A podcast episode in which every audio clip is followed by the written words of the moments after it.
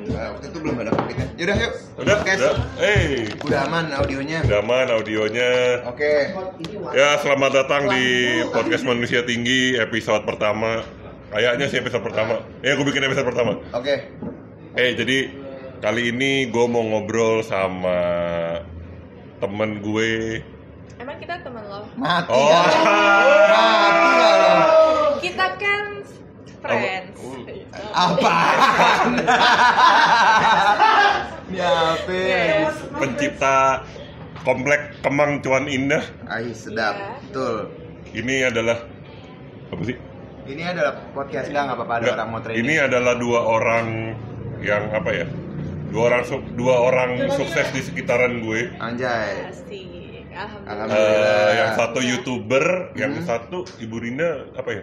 Saya Eh, ibu rumah tangga pak, Yang ber- yang punya usaha. yang usaha di mana-mana. ah, sedap. Cuma Sampai dikit-dikit cuma. sampai dapat jus tomat yang cuman beberapa orang doang yang dapat. Iya. Jus tomat, inside jokes, inside Kita jokes. jokes. Oke, jadi sekarang gue ada di Lu nggak mau jelasin dulu jus tomat tuh apa biar orang nggak bingung? Iya. Eh, Emang apa sih gue juga nggak tahu. Jus tomat. Susu jus tomat. Susu. Jadi kita waktu itu eh, saking seringnya pesen susu buat Eh. coffee shop kita, orang supplier susunya bilang, Mas mau yang lebih murah nggak? Ini kita salah nyetak eh, kotak susunya di Enggak, bukan salah nyetak, dia bilang itu edisi spesial. edisi spesial. spesial. Ah. Kehabisan. Iya. Kehabisan mulu, kehabisan packaging. Ya pokoknya intinya kita dapat harga murah dan yang bisa ngambil itu tuh cuman What's Good sama satu lagi ada toko kopi yang Ya, pasti lumayan tau lah. gedean, depannya T, belakangnya U. Oke. Ini nggak jadi Itu nggak jadi band tattoo. ini ini ini nggak jadi introduction nih. Jadi gue lagi sama Rian Berti Statement Prod dan Asik, ya. istrinya Ibu Rinda Desgita. Ini dari kita prot. Yoi. Jadi mereka ini punya Wasgut Coffee Ah, yang mau buka dua cabang lagi amin. Ya, Iya kan? insya Allah. Betul, insya Allah. di Jakarta Barat sama di. Jakarta Selatan. Jakarta Selatan juga. Nah, jadi gue kenal mereka dari 2000 berapa? 17 ya? Tahun Ya, lalu. tahun lalu. Eh, sekarang 19. Belum Lama-lama sih. Hah? Oh Sekarang- iya, Oh, 2019 iya juga ya. Dari 2017 dari Rinda Dan Wah, gila. eh Waktu terbang ya? Iya waktu terbang banget. Time flies. Tagar throwback anjir. Ada throwback. Oke jadi Yes. gua mau tanya dong kalian bisa jadi kayak sekarang tuh progresnya gimana dari kuliah kah atau gimana? Emang dari awal nggak mau kerja kan- Emang dari awal nggak mau kerja kantoran atau emang mau usaha? Kalau misalnya dijabarin satu-satu susah ya, karena semua yang terjadi di hidup kita kan membentuk kita yang sekarang, walaupun nggak ada hubungannya sama sekali ya. Kayak misalnya gua itu pas kuliah, karena gua nggak tahu apa-apa, gua ngambil manajemen supaya gua mikirnya ya udahlah, ntar apa pun kerjaannya kan pasti ada perlu bagian manajemen lah ya. Oke. Tapi ternyata gua malah kerja di perminyakan teknik, gitu. Eh bentar, gua kira lu awalnya teknik kuliah Kagak, gua kuliah manajemen bisnis Binus Inter. minus inter. yang sejuta satu SKS. Enggak lah dulu belum, dulu belum. dulu belum. Dulu enam setengah. Terus masih masih affordable. Terus Ah, akhirnya, setengah affordable. hah? UI tuh SKS cuma berapa ratus ribu. Ya UI kan masuknya susah. Oh itu masuknya gampang. masuknya gampang. Ya asal punya duit aja. Iya. Berarti Bapak Berti memang dari dulu usaha. Oh, berarti- Maksudnya bukan gitu. Anyways ya akhirnya gue karena eh, ada kenalan dan waktu itu gue lagi nge-gym banget badan gue gede banget kan jadi ditawarin kerja teknik karena ya kerja otot lah istilahnya akhirnya gue training setahun belajar belajar itu sampai akhirnya gue kerja lapangan tiga tahun. Habis itu gue dipindahin ke gue minta sih gue minta dipindahin ke bagian yang lebih manajerial. Ketik Oke. ya sampai ya gue operasional lah waktu itu megang operasional di perusahaan gue service company. Itu gue perusahaan dari Texas kalau nggak salah. Dah akhirnya gue sampai operations sampailah gue kerja kantoran. Ternyata setelah gue pindah ke kantor kerjaan di kantor itu sebenarnya tidak sebanyak itu. Bagian sebagai eh, manajerial tuh tidak sebanyak itu. Jadi waktu gue lebih banyak waktu senggang. Mulailah gue sering nonton YouTube. Jam makan siang ya. Oke. jam makan siang sama jam-jam lagi nggak ada panggilan lah. Ya udah akhirnya no, sering sering nonton YouTube ketemu sama satu content creator abang-abangan gue kayak si Neistat ini kayaknya seru nih main kamera. Coba lah iseng main kamera dan akhirnya ketagihan sampai sekarang. Gue nonton Gitu. video lo pertama tuh yang ke pantai. Ke partai Yang ke pantai. Pantai apa? Enggak, pantai bukan yang lo pagi-pagi. oh ke Yang dijemput pagi-pagi. Iya, pulau, pulau, pulau. Apa sih namanya Pulau Sangyang ya? itu dulu apa pas udah kenal? Sebelum kenal. Oh iya? Wow. Pas kan gua awalnya ya Emang lu suka nonton YouTube ya Tito ya? masuk ke nonton itu kan gua semua gua ke Kemang Cuman Indah ini kan semua berawal dari Eca Hmm. ya kan Hmm. Bukannya Gua- gara-gara lu nyamperin si Bertie di paranoia. Kagak kopi, kopi. Coffee. Eh, kopi lu enggak ya? Kopi gua eh? Kopi? sebelum kopi udah kenal Oh iya iya. kan gua nyamperin lo di ini Hard Rock, kan? di Hard Rock itu juga gara-gara Oh. sebenarnya nyamperin Eca Iya iya iya, betul. gara-gara main basket Betul betul betul. Awal, ini sumpah ya jujur ya pertama kali gua nonton Bertie itu kayak apa sih ini orang so asik banget Yoi. Emang so asik. Ya, pas kenal asik beneran kan aja. awalnya gitu awalnya kayak ini orang trying to be famous banget sih eh, enggak deh cuman, cuman pas gua ketemu Eca dan ketemu Bertie Eh, humble nih orang enak ada miskonsepsi di situ sebenarnya bukan karena Gimana? bukan karena kita songong tapi kan dengan namanya vlog eh, ada ada aspek hostmanshipnya kan? Ya di mana kita sebenarnya menghost ya suatu acara gitu loh. Kalau lu menjadi pembawa sebuah acara ya lu mesti menarik dong walaupun acaranya acara garapan lu sendiri.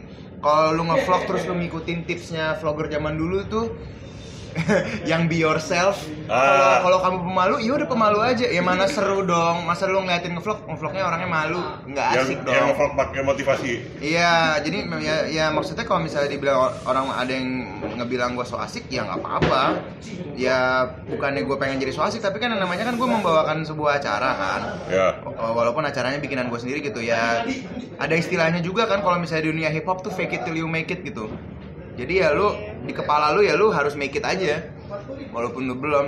Itu sih Oh, sebenarnya. oke. yang- Ya cuma kalau misalnya untuk orang-orang yang eh, nggak kenal dan dan penyampaian guanya sebagai hostnya itu pun jadi terkesan so asik itu berarti guanya gagal di situ. oke Guanya kurang asik beneran. apa yang menyebabkan lo terjun ke YouTube Apa yang menyebabkan gue terjun ke YouTube? Itu ada istilah Itu- namanya tak kenal maka tak sayang. Ya itu Ya. juga tak kenal maka tak sayang. Yang bikin gue terjun ke YouTube nggak ada sih sebenarnya gue hobi aja karena gue ngelihat Casey Neistat itu kan terus gue mikir wah ini seru nih bikin-bikin video kayak gini. I didn't I never plan to make it a living. Gue Oke. nggak pernah berencana membuat itu sebuah apa menjadi sebuah profesi bahkan sekarang pun menurut gue itu bukan profesi itu lebih ke hobi yang menghasilkan sih. Iya Berarti kamu sekarang nggak punya profesi dong? Aku kan bisnis owner bu. Oh gitu. Iya. bisnis ownernya bukan di Ibu Rinda Hah? bisnis ownernya bukan di Ibu Wah, Rinda sometimes lu Tito lu. Sometimes lu Tito. Enggak, enggak. Kamu juga nih gue kadang Aduh, kadang enak banget ya kerjaannya Iya. sekarang.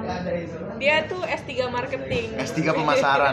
oh lo beneran S3 Enggak, enggak. Ya, saking Saking Saking jualannya jago. jualan.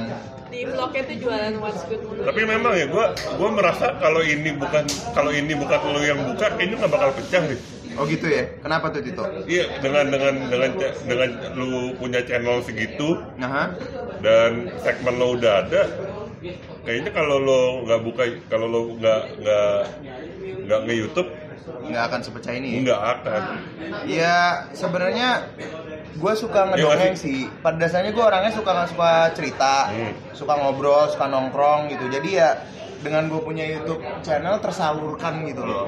Memang gue media medianya yang gue suka ngedongeng, gue suka cerita. Cuman media yang mewakili, yang bisa mewakili itu video. Oke Nah jadi portal portal yang bisa mensupport media itu kan ya yang paling banyak penontonnya YouTube gitu loh. yes betul Sebenarnya bukannya gue pengen jadi youtuber, tapi gue pengen ber apa ya bercerita atau mendongeng atau menyampaikan pesan pesan dan aspirasi gue melalui video yang gue post di YouTube. Makanya waktu itu nam- makanya nama channelnya Statement Prod karena ya gue pengen bikin statement statement aja sebenarnya. oh dasarnya itu Dasarnya itu statement. Dan satu lagi waktu itu gue pengen bikin vlog yang memang berbahasa Inggris karena gue eh, ada satu hal yang bikin gue gemes banget waktu gue kerja di perminyakan adalah gue banyak eh, tektokan sama ekspat waktu gue kerja di RIP. Hmm. Dan ternyata masih banyak sekali ekspat-ekspat yang beranggapan kalau Indonesia itu Kalimantan semuanya, hutan aja gitu. Sama Bali ya. oh. Iya, sama Bali. Jadi gue kayak kesel aja, ah, enggak juga cuy. Banyak orang di sini yang highly educated, yang bilingual. Ya udah, jadi gue gua sebenarnya vlog gue awalnya nggak ditujukan untuk orang kita. gue pengen Luar. karena kan marketnya global kan Iya. YouTube kan. Dan gue juga awal mulai nge YouTube nggak nonton konten creator Indonesia gitu loh. Nggak ada yang nonton. sampai sekarang. Nggak ada sampai sekarang sih sebenarnya sih. Gue paling cuma nonton video video konten creator Indonesia. Apa ya paling Agung Hapsa sih. Itu juga karena nggak sampai habis. Karena gue wah keren aja nih gitu loh. Anak-anak anak-anak anak-anak kemancuan Indah, apa anak-anak kemang. enggak tuh Hanes enggak gue yang nyetelin Oh, jadi oke. gue nyetel terus dia kayak tuh video siapa oh ini video Krisni gitu oh, iya. oh iya kecuali ada ada gue di videonya Krisni gitu Jadi, jadi Ibu Rinda yang nonton mereka. Yoi, Yo. gue yang membawa Jadi Ibu Rinda yang memperkenalkan gue sama konten creator konten creator lokal gitu loh. Kayak misalnya dia bilang dia bilang sama gue sih market research. Iya, Oke. gue bukannya ngefans. Market research. iya dong, harus riset dong. Ya jadi itu gue suka, gue bikin sampai sekarang. Oke. Jadi kalau misalnya sekarang orang pada bilang dan semua yang gue lakuin itu tuh sebenarnya nyampah.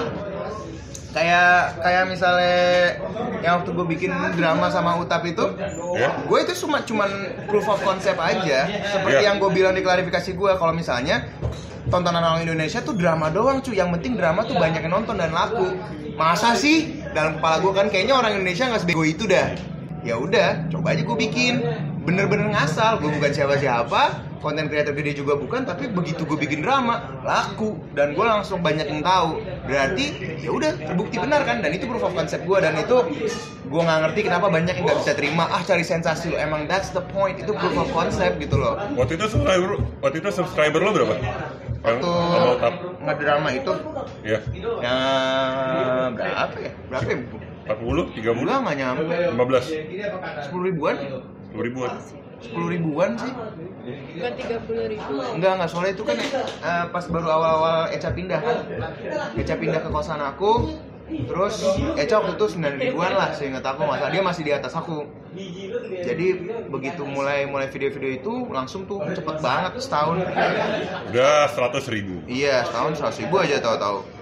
Dan gua nggak ada ekspektasi untuk apa ya jadi serame ini dan kayak orang tuh nganggep nganggepnya kalau misalnya gue tuh cari-cari views banget, cari-cari subscribers banget, nggak juga sih biasa aja. Maksud gue ya lu mau nonton nonton silakan, mau nggak nonton ya juga nggak apa-apa gitu. Berarti satu konsep lagi terbukti di lo ya. Iya, Maksudnya gini, orang-orang yang terlalu memaksa ingin terkenal di YouTube akan gagal.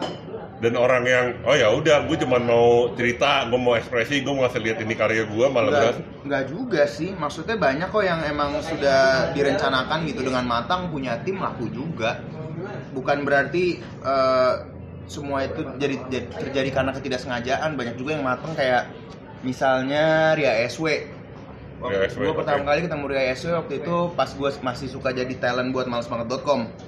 Ya gue waktu itu juga sempat main-main sama malesbanget.com, anak-anak malesbanget.com karena waktu itu awalnya gue pengen belajar gimana sih nih orang-orang ini bikin-bikin video gini kan produksinya. Oke. Ketemu lah gue sama dia waktu itu dia baru mulai banyak yang tahu, baru mulai video-video mukbang dia tuh. Sampai sekarang rencana kan ada rencana di situ maksudnya. Mungkin seperti itu.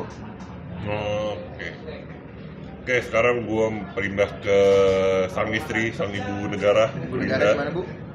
Apa? Awalnya gimana?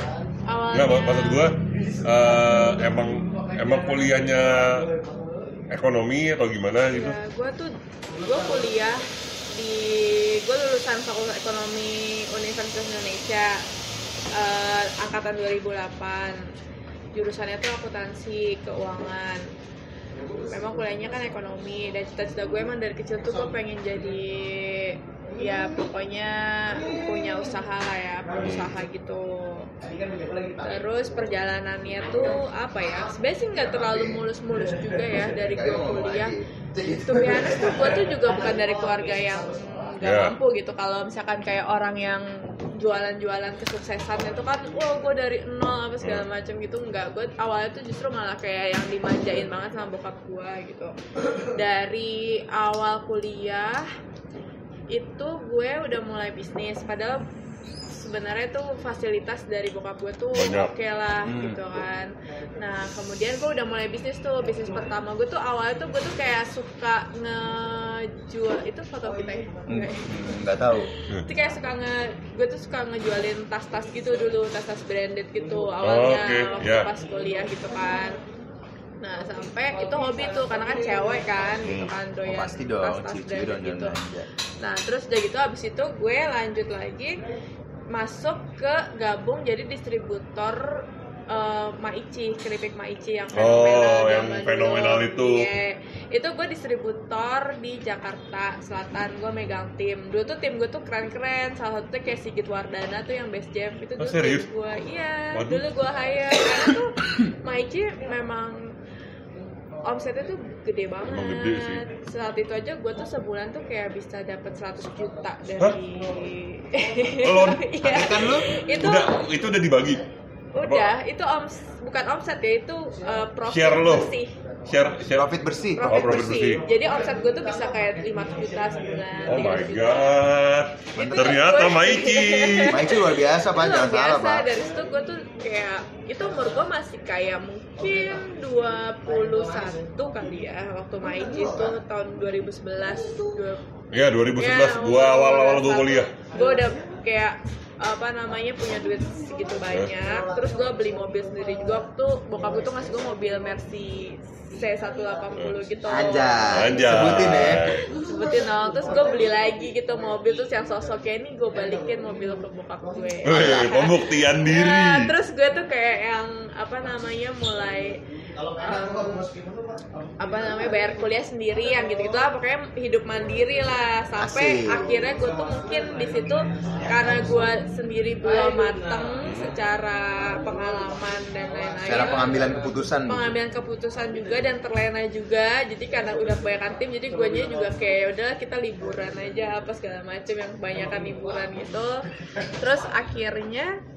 Ya pas Maichi udah eh, eh, istilahnya marketingnya udah nggak bisa berjalan Hmm. dengan ya ya maksimal lah Sebagaimana dulu. Iya kan dulu kan pindah-pindah gitu kan. Terus akhirnya ya udah gue tuh off dari Maichi nah habis dari Maichi tuh sempet kayak kan gue kuliah akuntansi. Nah itu tuh gue sambil berbarengan tuh semuanya. Karena gue pikir kan sayang dong apa namanya kuliah gue kalau gue nggak kerja akhirnya gue kerja di KAP juga jadi apa itu apa? kantor akuntan publik Oh. jadi gue jadi auditor gitulah istilahnya karena kan jadi auditor, bukan jadi Auditor. investor itu istilahnya kamu mau beneran auditor bu Iya. Nah, ber- berarti berarti lo S1 satu gue S1, oke. Ya, S1. terus gue pengen balik S2 sebenarnya tetapi ya pokoknya perjalanan hidup ya istilahnya tuh kalau apa namanya gue udah punya usaha ngapain gue S2 lagi? Tadi kayak gitu. Oke. tadi eh, mikirnya. Cuman seka- ta- sekarang juga udah punya anak jadi ya udahlah nanti aja kalau ada waktu S2 lagi nambah-nambah gelar nah terus nambah-nambah gelar Iya. Nambah-nambah gelar, Ini des oke. kita S2 iya Master of apa bu cuan cuanisme Hmm, enggak dong, masuk bisnis lah, ambil bisnis sih paling. Nah, Oh, iya, terus udah iya. gitu kan udah kan kerja di KP tuh, habis kerja di KP, terus gue tuh yang sempat eh, masuk, gue tuh mikir waktu pas dari Maichi nih kayaknya enak deh punya perusahaan distributor gitu, gitu kan. Oh. Nah, karena gue mikir gue nggak bisa produksi gitu kan, nah gue bisa jualan, ya udahlah, mendingan gue cari something yang bisa gue jual, terus gue jual, eh gue jualin lah pokoknya deh gue bisa gitu. Nah akhirnya gue kerjalah masuk ke perusahaan distributor farmasi waktu itu TBK perusahaan TBK lulus kuliah Oke. gue kerja dulu nih kantoran tapi di situ gue nge-treat kerjaan gue tuh gue bukan kayak gaji oriented gitu loh tapi Karena lebih ilmunya ya lebih ke ilmunya jadi gue bener-bener kayak di situ kan gue finance controller kan gue Oke. ngurusin sekitar 26 cabang di seluruh Indonesia gitu Wow. Iya. Luar biasa. berat, berat, berat. Terus udah tuh gue tau lah sistem-sistemnya dari A sampai Z, dari proses bisnisnya dan segala macam gitu. Nah akhirnya pas abis dari kantor situ, gue memutuskan untuk bikin usaha baru dan kebetulan tuh gue juga ketemu sama partner gue sih yang bisa bikin minuman Ya. ini. Ya, akhirnya lah terciptalah Masterista. Masterista gitu. Masterista. Kalau di- video YouTube langsung keluar logonya tuh ya Iya. Ntar mau keluarin. Ini. Ada Gimana di podcast? Podcast. Ntar ada ada podcastnya di ada- YouTube, Bu. Ada pop up. Ada pop up. ya pokoknya intinya itu akhirnya terbentuklah Masterista tahun 2000 10, 11. Oh, oh 16. Enggak baru kok Mas Rista. Oh, Oke. baru 2000. Tapi omsetnya sudah banyak. Alhamdulillah udah ratusan lah.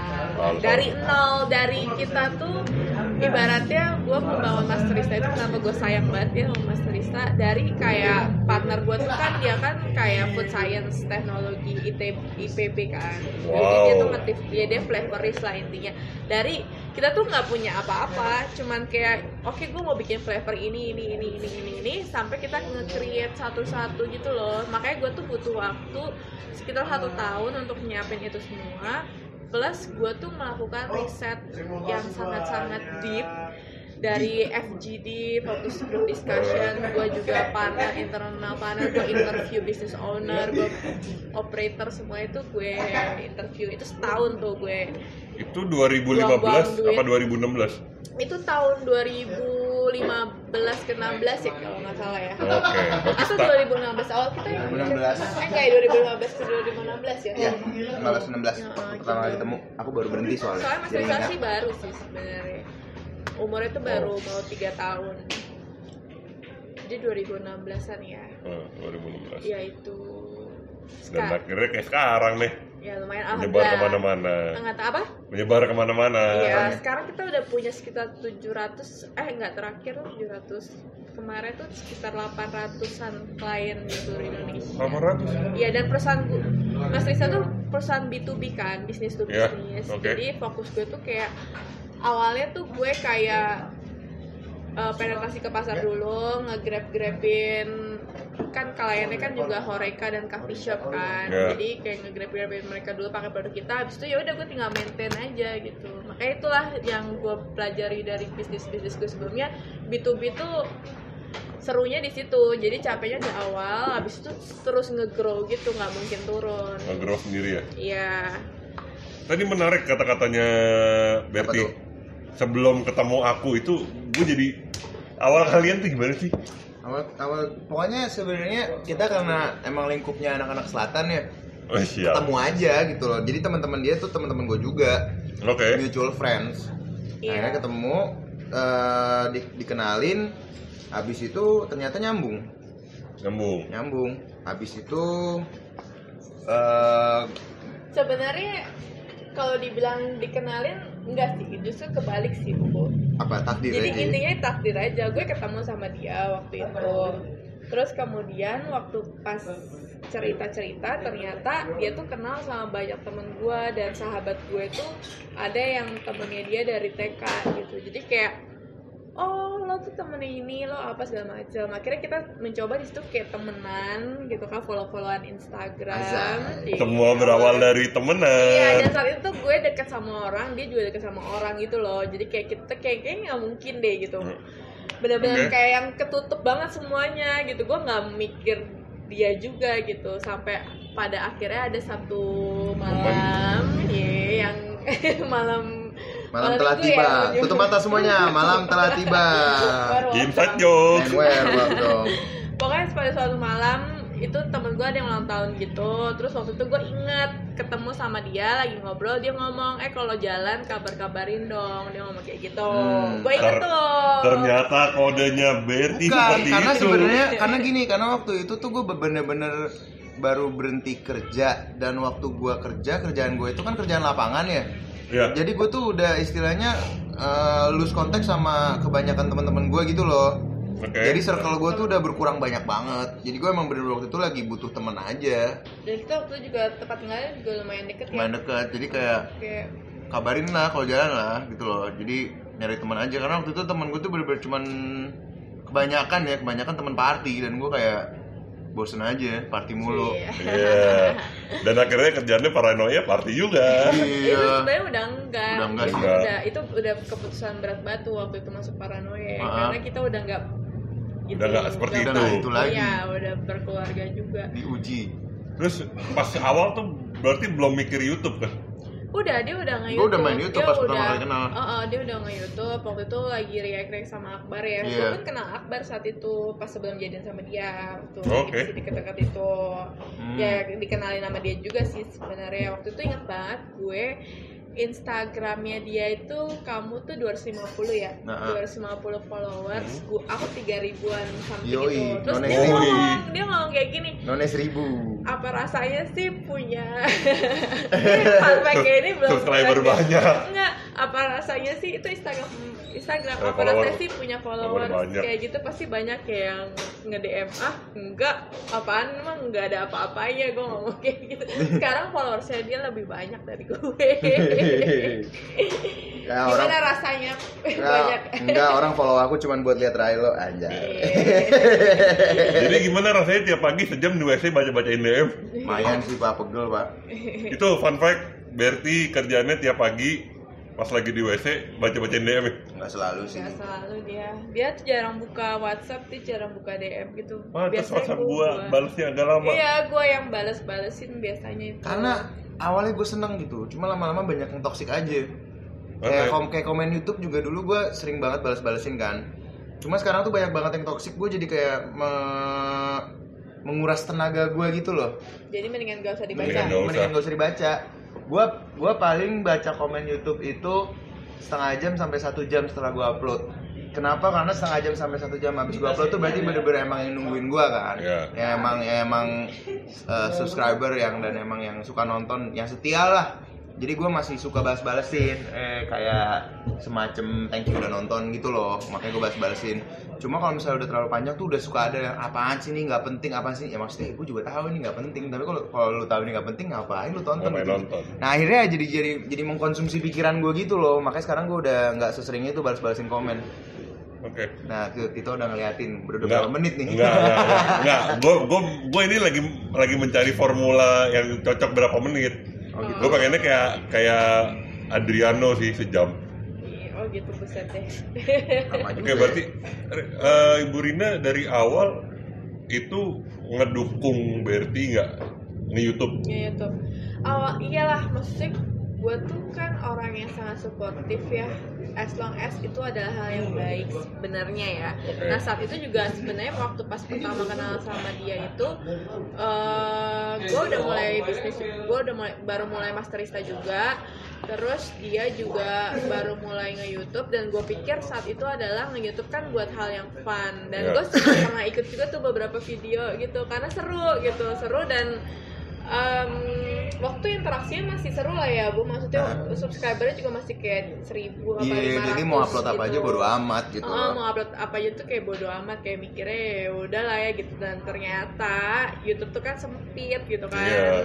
ternyata ya banyak hal yang akhirnya gue pelajari oh ini menyakiti hati orang nih kayaknya gitu-gitu apa Ya dan makin ke sini juga makin kayak orang banyak yang tahu ternyata kayak teman-teman SMA gua nonton, keluarga gua nonton, anak Iya. buah bos, anak buah bokap gua nonton. Jadi Iya. kayak nggak bisa sembarangan gitu loh. Karena kan gua menjaga reputasi bokap gua juga kan. Mak- Maksudnya menjaga reputasi nama baik keluarga gua lah gitu loh. Apalagi sekarang gua punya keluarga sendiri. Jadi kayak ya nggak bisa kayak dulu lagi deh gua dalam kepala gua. dan menjaga juga sih maksudnya menjaga perasaan orang juga gitu ternyata ya emang beda gitu challenge-nya kalau emang Karena- followersnya makin gede Iya, karena gini, makin- karena gini nggak eh tongkrongan gua kan santai banget ya dari dulu. Iya. Dari dulu tuh tempat gua nongkrong emang ya emang ceng-cengan, celah-celahan gitu loh. Jadi kayak gua waktu itu karena YouTube gua masih kecil banget, gua men-treat itu sebagai ya lu Nongkrongan gue aja ya. Iya, lu nonton YouTube channel gue, ekspektasi gue adalah lu mau nongkrong sama gue. Ya gue treat lu sebagai anak-anak tongkrongan gue gitu loh. Eh ya ternyata makin sini ya gue nggak bisa memaksakan kehendak gue ke dunia. Jadi gue ya lebih baik lebih bijak aja lah, lebih diplomatis. Beradaptasi. Hmm. Assalamualaikum ya. Iya kayak gitu. Halo. Jadi gue support aja sih. Apalagi ya sebenarnya waktu pas yang kejadian yang drama-drama itu kan sebelum gue nikah ya. Ya. Nah pas gue udah nikah tuh gue udah mulai bisa kontrol dia kan. Akhirnya ya pas udah pas abis nikah persis itu semua video-video yang toxic tuh sama dia tuh dihapus. Benar-benar dihapus semua yang dari pokoknya intinya itu juga Yang- lumayan ngurangnya views kit- kamu ya Jauh. jauh. Kalau mau cari jauh. duit mah biarin aja, lumayan Iya. itu. cuman Lumayan. itu kita hapus bukan di hide ya bukan Dihapus. di private benar-benar dihapus Berarti yang gitu. utap dihapus? Hah? Ya hapus. Nggak Oh. penting juga maksudnya. Ada ada reuploader nggak? Gue mau nyari deh. kalau ada kalau ada kasih tau gue ya. Ya. Kalau yang Kemal Palevi, Hah? kalau yang Kemal Palevi. Waduh. itu dihapus ya Hapus juga kok. Hapus juga. dihapus Tahu tahu gue sih udah gue hapus soalnya kayak Toxic aja gitu. Sama orangnya juga udah sans, udah ketemu juga kan. Berarti lo? Berarti cuma nama utap yang belum? Nah, enggak. Ya, Utap tuh sebenarnya gini, awalnya tuh emang kita tuh beneran dia tuh beneran kayak ikutan dramanya itu ngomongin drama gitu Hmm. kan.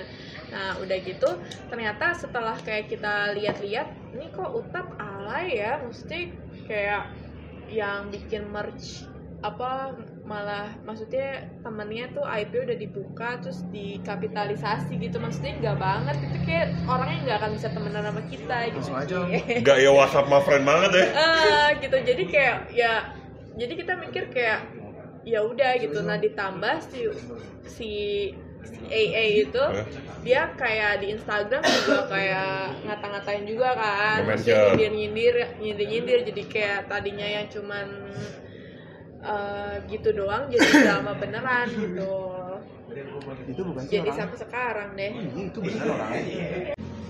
Ya berhubung tadi kepotong ada project rahasia punya What's Good Coffee. Eh, kita udah mulai lagi.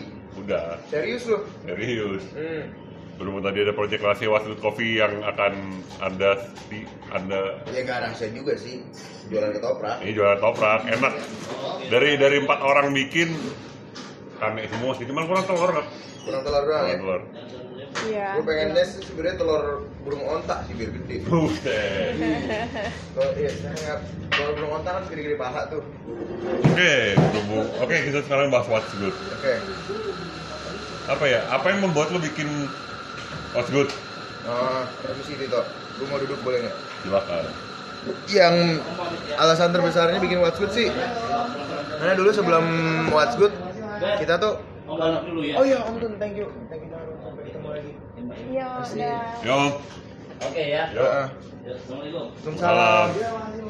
Ya jadi awalnya bikin What's Good itu karena dulu sebelum ada What's Good gue tuh selalu ngajakin ketemu orang atau collab gitu di kos-kosan gue atau di kontrakan gue yang lama tuh dulu di rumah dan itu gue lakuin pure, purely because I like meeting people tapi yang terjadi adalah uh, people hang like people hang out for real sampai jam 1 pagi jam 2 pagi gitu and it ended up like privacy gue kayak terganggu gitu loh Hmm, oke. So that's a bummer. Tapi sebenarnya gue pengen ketemu orang nongkrong, cuman I wanna limit that. Terus akhirnya kita mikir gimana kalau kita bikin coffee shop aja supaya ada tempat buat orang nongkrong. Jadi ketemu orang tuh ada batasannya gitu loh. Oke, paham. Ya biar biar privasi kita juga terjaga dan ketemu orang juga nyaman gitu loh. Kalau misalnya ketemu di rumah kan gue nggak mungkin ngusir orang. Iya. dan nggak Tapi kalau- mungkin nggak ngajak ngobrol juga Dan nggak kan. mungkin nggak ngajak ngobrol juga. ibarat kita ada urusan kan nggak mungkin ditinggalin aja gitu di ruang tamu Heeh. Ah, betul. jadi kayak itu itu satu terus yang kedua emang gue kopi banget orangnya kopi berat. Karena kan gue dulu kerja perminyakan kan. Itu tuh shift shiftannya selalu kak ngaco lah kalau yang namanya kalau anak ada yang anak perminyakan dengeran pasti paham lah maksud gue shift shiftannya kayak gimana.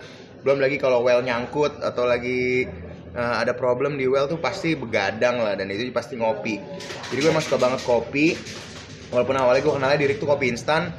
Gue baru ketemu sama teman-teman gue yang eh, abis itu tuh jadi ketemu pencinta kopi kan teman-teman gue ngopi lah ngopi kenal-kenal beans ngulik-ngulik-ngulik sampai akhirnya eh, jadi cinta banget. Ketemu sama Rinda abis itu bini gue yang emang dia bisa bikin powder beverage. Yang bisnisnya yang emang kliennya bisnisnya coffee shop. kliennya coffee shop juga. Jadi dia, dia dia udah paham secara bisnisnya. Jadi ide-ide gue bisa direalisasikan. Jadilah what's good. Ya udahlah kita tes aja sekalian. Aku nggak nih bikin bikin eh, bisnis coffee shop. Toh kan kita juga eh, niatnya bukan eh, cuan maksimal gitu kan tapi ya emang pengen wanna build something aja gitu loh dan sebenarnya sih aku dari dulu awal buka Masterista sih emang pengen punya coffee shop sih itu udah dari dulu kan kayak di Masterista kan ada barista kan nah itu Iya. selalu ngomongin tuh kita bahkan pernah pengen bisnis cold brew dulu ya gitu kan Iya, kita iya, udah iya. nyari-nyari resep apa segala macam benar. Heeh. tapi akhirnya eh, karena kopi kan kalau untuk kita main di beansnya saingannya udah terlalu banyak dan gue juga nggak nggak nggak untuk bersaing di maksudnya bisnis kopi yang yang bermain di beans ya. Gue nggak bisa saingan karena gue nggak paham. Karena gue pun kalau minum kopi tuh gue cuma suka satu manual brew yang buat nyantai satu espresso yang buat melek. Jadi gue temuin cuma melek sama nyantai kalau ngopi. Dua-duanya melek sih cuman espresso lebih melek. Jadi ya udah kita bikin aja minuman yang lebih bisa diterima sama orang Indonesia. Ya yang manis. Manis, ya kan Rinda kan emang bisnisnya ya matcha, ya red velvet, ya cookies and cream, segala macam flavor lah. Mas Risa flavornya ada 60 lebih ya. Iya 50. 50-an lebih flavor dan akhirnya gue memutuskan campurin aja sama espresso gitu loh. Toh orang-orang juga eh, yang bisa bedain ini beans apa, ini beans apa nggak sebanyak itu dan peminatnya menurut gue nggak sebanyak itu juga. Iya bener. Heeh. Dan bahan bakunya udah dan ada. bahan bakunya udah ada gitu. Iya. Dan kalau menurut gua untuk bermain banyak beans pun ended up costingnya lebih mahal karena kita perlu grinder yang lebih banyak gitulah. Ya kayak gua kalau gua nonton filosofi kopi itu kayak lo terlalu bakal ini worth nggak ya gue beli segini banyak, ya kan? Perlakuannya beda gitu loh. Dan dan diminishing return juga karena kalau misalnya gue pernah ngerasain eh, kopi bikinan barista yang juara dunia yang beansnya juga dia langsung beli dari petaninya dia roasting sendiri bla bla bla. Yang itu satu cangkir tuh 800 ribuan lah. Ah, serius? ada yang lebih mahal. Wow. tapi maksudnya itu gue waktu itu purely karena gue pengen nyobain iseng. Dan menurut gue dan ini bukan kopi luwak ya ini bener-bener beans aja gitu. Dan ternyata rasanya ya diminishing return gitu loh. Diminishing return dalam arti ya kalau misalnya kamera let's say gitu ya buat yang nggak paham diminishing return aja let's say beli kamera dari kamera yang harganya satu juta ke harga yang kamera yang harganya 10 juta itu kualitas naik 10 10 kali lipat Hmm. jadi kan? 1 juta 1 juta kamera 1 juta sama kamera 10 juta. Tapi dari kamera 10 juta ke kamera 20 juta nggak akan 10 kali 10 kali lipat juga naiknya. Nah, ya paham. paham kan mas gue jadi dari kopi yang cangkirnya 50 ribu ke yang 850 ribu belum tentu 8 kali lipat lebih enak gitu loh. 11 12 jadi daripada kita bermain lebih apa ya? Resiko.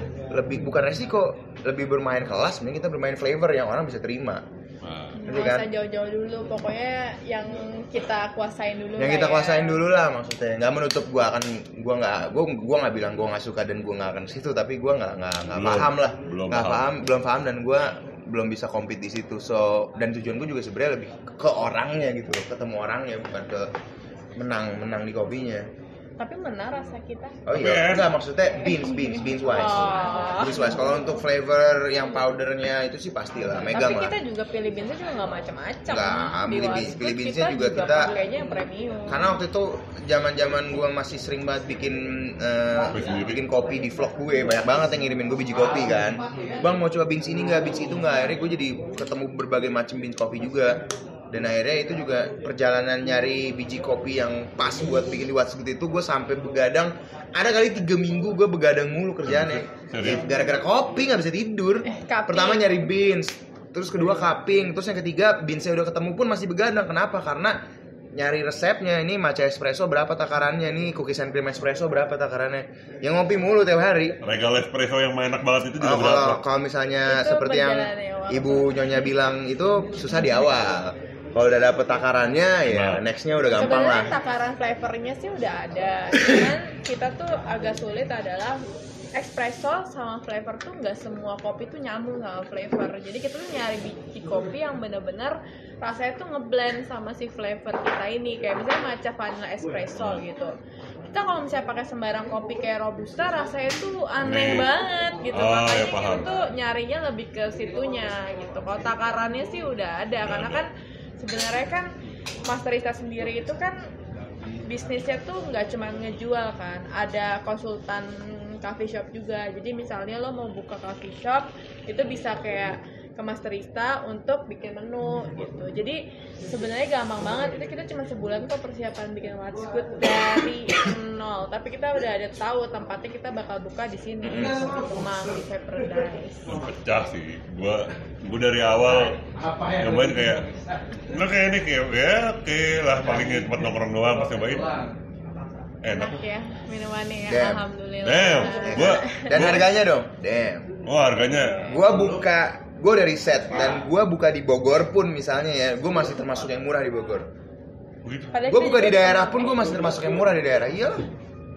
Gue gue bikin flavor coffee. Flavor coffee-nya tuh yang bisa compete sama big brand kayak Starbucks. Tapi harga gue setengahnya. Gimana? Kayak let's say cookies and cream cookies and cream espresso. Lu bisa dapetin itu Starbucks berapa? Empat empat lima. Iya, gue dua dua lima. Minuman termahal gue tiga puluh ribu dan itu pun pakai es krim.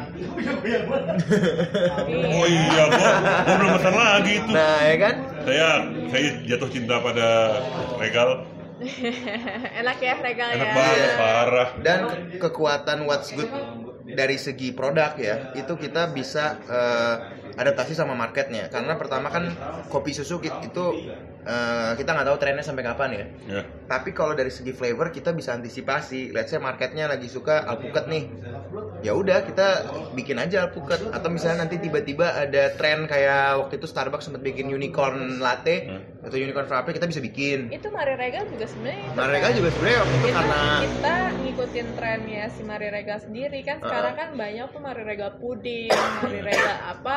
Nah kita masukin Mari Regal espresso. Yoi, bentar lagi bakal ada eh, banana latte, eh banana espresso. Paling deket sih sebenarnya ada red velvet cheese cream foam cheese. sih cream cheese. Itu Jadi, karena ada, jadi nggak kita nggak terbatas sama kopi, tapi kita ap- apa pun itu yang eh, flavored beverages kayak misalnya kita nih sekarang mau coba eh, cheese, cheese, cheese beverage, cream cheese beverage yang kayak gulu-gulu gitu kalau misalnya udah pernah nyobain. Iya. sebut merek lain. Sebut merek lain. Ini kan podcast. oh gitu Oke. ya. Iya. Hmm. Gua gua baru tahu kalau ada yang itu apa apa namanya tadi yang cheese cheese beverage. Karena belum launching. Belum launching. Masih bukan, bisa. bukan. Di pasar gua juga nggak tahu. Gua taunya kalau yang Oh, cheese. gua tahu. Oh Yang iya cheese, belum pernah cobain. gua taunya Pablo. Yang cheese Oh. yang Itu makanan. Iya, gua tahu mah. gua gua nggak tahu yang cheese beverage, gua nggak tahu. Gua tadi apa? Koi. Koi. Koi pesannya karamel. Karamel ya. Karamel karam, karamel milk tea. Nah, gua gua nggak tahu ya, gua gua personal keju itu bukan buat minuman. Kalau gue, Hmm, ini tenang kejunya manis. Manis, manis. Bukan keju asin. nggak asin banget kita bikin agak manis Hmm. Ya gua Gitu. gua tunggu inovasi-inovasi dan semoga buka branchnya banyak. Amin. amin Eh, by the way, gua tuh mau nanya, Apa? nggak mau buka branch? Nggak, Mau. nggak, mau nggak maksudnya nggak mau nge-franchisein Hmm, belum pengen sih karena franchise. karena kasus si salon itu bukan? enggak Enggak, enggak ada untuk Nggak, bukan. franchise Nggak bukan.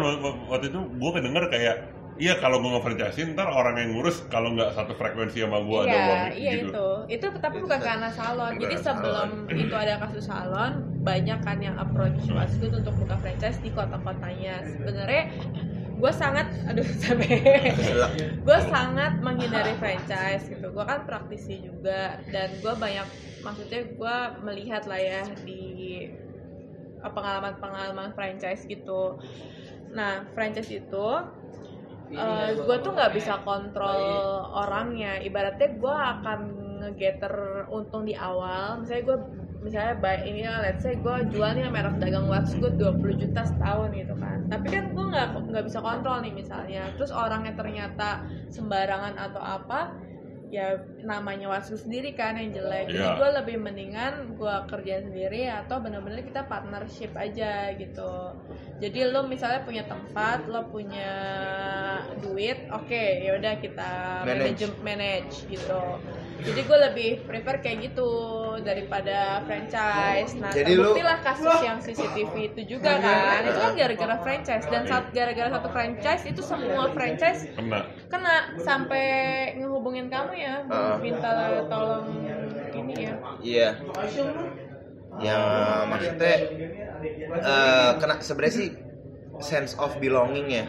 Kalau misalnya kita kerjasama sama orang yang udah willing spend uang eh, dan dan berarti kan itu menunjukkan bahwa ya udah udah udah ada kepemilikan dia gitu loh. Dia nggak akan sembarangan gitu loh. Ketimbang kita franchise eh, terus dia masukin eh, maksudnya bisa bisa jadi dia cuma pengen nyuri il- nyuri ilmu atau nyuri resep atau apa pun itulah Ya, tapi kalau kita manage kita punya lebih banyak kontrol lah ketimbang kontrolnya lah kont- lebih banyak kontrol kalau misalnya kita yang manage ketimbang Iya, franchise takutnya ya pakai nama What's Good terus misalnya untuk mengurangi bahan baku Nah, itu. dia pakai yang lain Nah, itu. misalnya jadi- jadi nggak konsisten Jadi quality controlnya nggak ada ya? Iya, takutnya quality control dari servisnya dan dari Produknya. produknya sendiri gitu. Jadi kan yang jelek kan jadi nama kita kan. Ah. Gitulah pokoknya.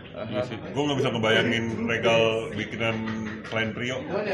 Iya, lo belum pernah nyobain regal bikinan gue tuh. Belum, gue baru ngerasain Prio, Dila, Ojan sama Ivan. Gitu. semuanya dong. Iya semuanya kan. Tadi tapi katanya nyonya pernah bikin, saya belum pernah nyoba. Ada es krimnya, Pak. Pecah, Pak. Itu kayaknya on the house ya. Heeh. Kalau itu on- Kenapa? Kan es krim add-on cuma goceng ya? Iya. Add-on add-on add-on es krim sepuluh ribu itu bisa di semua minuman kok. Abang-abangan pun lu mau pakai es krim bisa. Cuman add-on Jadi float dong. Iya, float. Iya. Float, semuanya float sebenarnya. Ads on. Enak juga. Pastinya. Iya. Ayo silakan promo kalau mau datang ke Wasgood. Oh. Oh, udah tahu semua. Udah tahu lah Udah semuanya. tahu.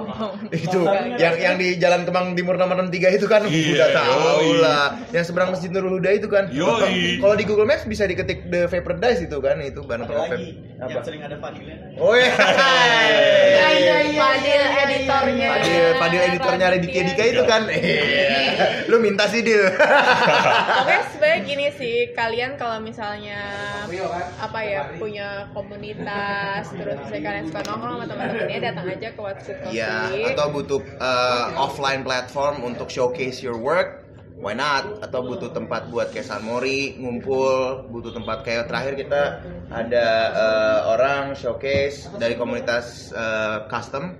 Mereka mereka custom painting mesin kopi gua di sini live painting sekalian mereka display merchandise-nya welcome banget. Itu juga bentuk kerjasamanya waktu itu cuman apa ya uh, barter sama space sama vlog ya. Iya, barter sama Kita- Space sama vlog. Jadi kayak yang saling menguntungkan aja. Yang saling Heeh. menguntungkan. Atau sendirian juga nggak apa-apa. Kayak Tito datang, Heeh. banyak kok nanti tinggal bilang Prio aja ngap gue main nih werewolf ya tadi Oh iya, tiap malam tiap malam minggu mulai jam berapa? Deal?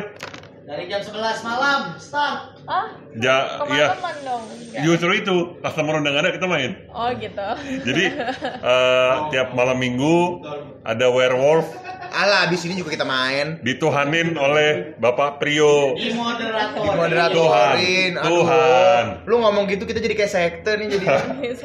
Sektor penyembah penyembah Prio. Iya. penyembah coco Yoms. Ya udah gitu aja sih dari gue. Ya, jadi ini podcast episode pertama sudah selesai yang proper. Eh, Jadi eh, tungguin episode kedua. Ya, terima kasih Bang Berti, Bu. Linda. mohon maaf ya kalau ada kata-kata yang kurang berkenan ya maklumin aja lah Main aja namanya juga apa generasi manusia ini kan manusia gampang meletus. Yoi, gampang podcast ya. Silakan di close. Ah, that's it for today's podcast. Chill soon. Bye.